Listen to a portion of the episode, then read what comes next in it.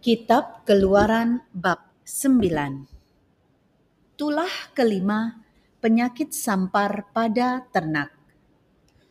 Berfirmanlah Tuhan kepada Musa, Pergilah menghadap Firaun dan berbicaralah kepadanya.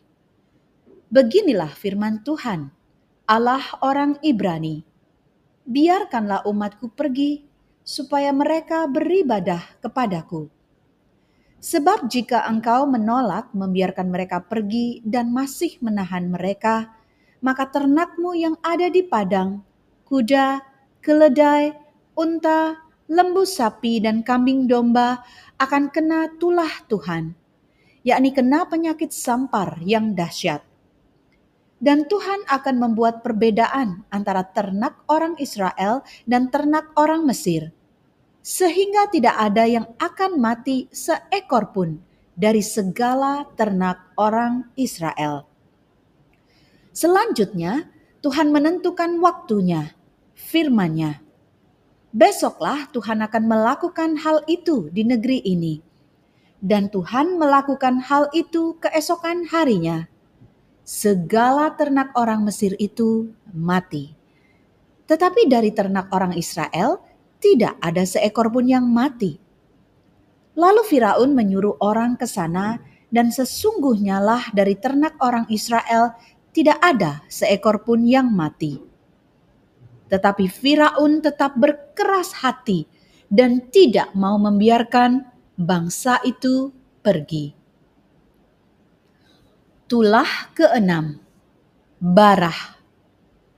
Berfirmanlah Tuhan kepada Musa dan Harun.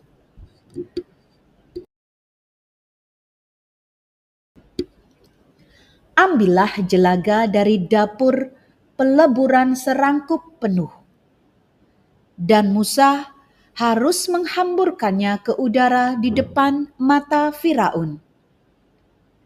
Maka jelaga itu akan menjadi debu, meliputi seluruh tanah Mesir, dan akan menjadikan barah yang memecah sebagai gelembung pada manusia dan binatang di seluruh tanah Mesir.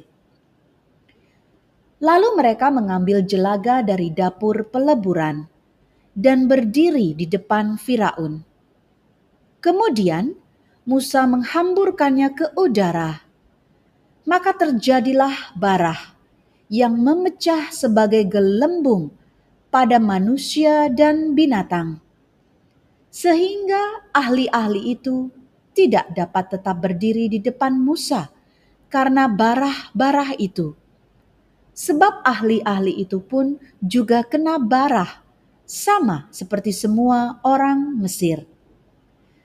Tetapi Tuhan mengeraskan hati Firaun, sehingga ia tidak mendengarkan mereka, seperti yang telah difirmankan Tuhan kepada Musa.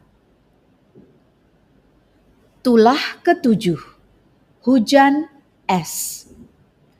Berfirmanlah Tuhan kepada Musa, "Bangunlah pagi-pagi dan berdirilah menantikan Firaun, dan katakan kepadanya: Beginilah firman Tuhan Allah orang Ibrani: Biarkanlah umatku pergi, supaya mereka beribadah kepadaku. Sebab sekali ini aku akan melepaskan segala tulahku terhadap engkau sendiri." terhadap pegawai-pegawaimu dan terhadap rakyatmu, dengan maksud supaya engkau mengetahui bahwa tidak ada yang seperti aku di seluruh bumi. Bukankah sudah lama aku dapat mengacungkan tanganku untuk membunuh engkau dan rakyatmu dengan penyakit sampar, sehingga engkau terhapus dari atas bumi?' Akan tetapi inilah sebabnya aku membiarkan engkau hidup, yakni supaya memperlihatkan kepadamu kekuatanku, dan supaya namaku dimasyurkan di seluruh bumi. Engkau masih selalu menghalangi umatku, sehingga engkau tidak membiarkan mereka pergi. Sesungguhnya, besok kira-kira waktu ini Aku akan menurunkan hujan es yang sangat dahsyat, seperti yang belum pernah terjadi di Mesir, sejak Mesir dijadikan sampai sekarang ini. Oleh sebab itu, ternakmu dan segala yang kau punyai di padang, suruhlah dibawa ke tempat yang aman. Semua orang dan segala hewan yang ada di padang dan tidak pulang berkumpul ke rumah akan ditimpa oleh hujan es itu sehingga mati. Maka siapa di antara para pegawai Firaun yang takut kepada firman Tuhan menyuruh hamba-hambanya serta ternaknya lari ke rumah? Tetapi siapa yang tidak mengindahkan firman Tuhan, meninggalkan hamba-hambanya serta ternaknya di padang berfirmanlah Tuhan kepada Musa, "Ulurkanlah tanganmu ke langit, supaya hujan es turun di seluruh tanah Mesir, menimpa manusia dan binatang, dan menimpa tumbuh-tumbuhan di padang di tanah Mesir."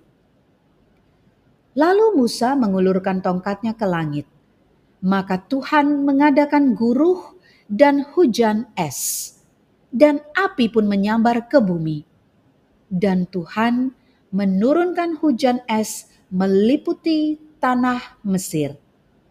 Dan turunlah hujan es beserta api yang berkilat-kilat di tengah-tengah hujan es itu.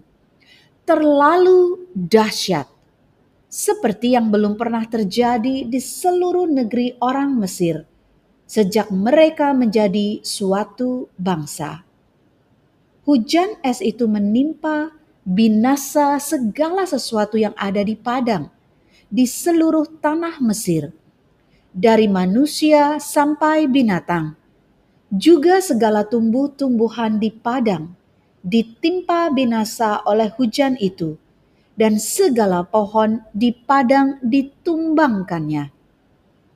Hanya di tanah Goshen, tempat kediaman orang Israel, tidak ada turun hujan es. Lalu Firaun menyuruh memanggil Musa dan Harun serta berkata kepada mereka, "Aku telah berdosa sekali ini. Tuhan itu yang benar, tetapi aku dan rakyatkulah yang bersalah. Berdoalah kepada Tuhan. Guruh yang sangat dahsyat dan hujan es itu sudah cukup." maka aku akan membiarkan kamu pergi. Tidak usah kamu tinggal lebih lama lagi. Dan berkatalah Musa kepadanya, Sekeluar aku dari kota ini, aku akan mengembangkan tanganku kepada Tuhan. Guruh akan berhenti dan hujan es tidak akan turun lagi, supaya engkau mengetahui bahwa bumi adalah milik Tuhan. Tetapi tentang engkau dan para pegawaimu, aku tahu bahwa kamu belum takut kepada Tuhan Allah. Tanaman rami dan jelai telah tertimpa binasa, sebab jelai itu sedang berbulir dan ramai dan rami itu sedang berbunga. Tetapi gandum dan sekoi tidak tertimpa binasa sebab belum lagi musimnya. Lalu keluarlah Musa dari kota itu, meninggalkan Firaun. Dikembangkannya tangannya kepada Tuhan. Maka berhentilah guruh dan hujan es, dan hujan tidak tercurah lagi ke bumi. Tetapi ketika Firaun melihat bahwa hujan, hujan es, dan guruh telah berhenti, maka teruslah ia berbuat dosa. Ia tetap berkeras hati, baik ia maupun para pegawainya.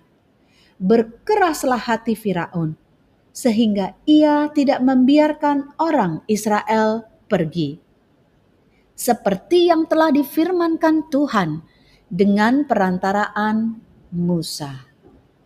Demikianlah sabda Tuhan syukur kepada Allah.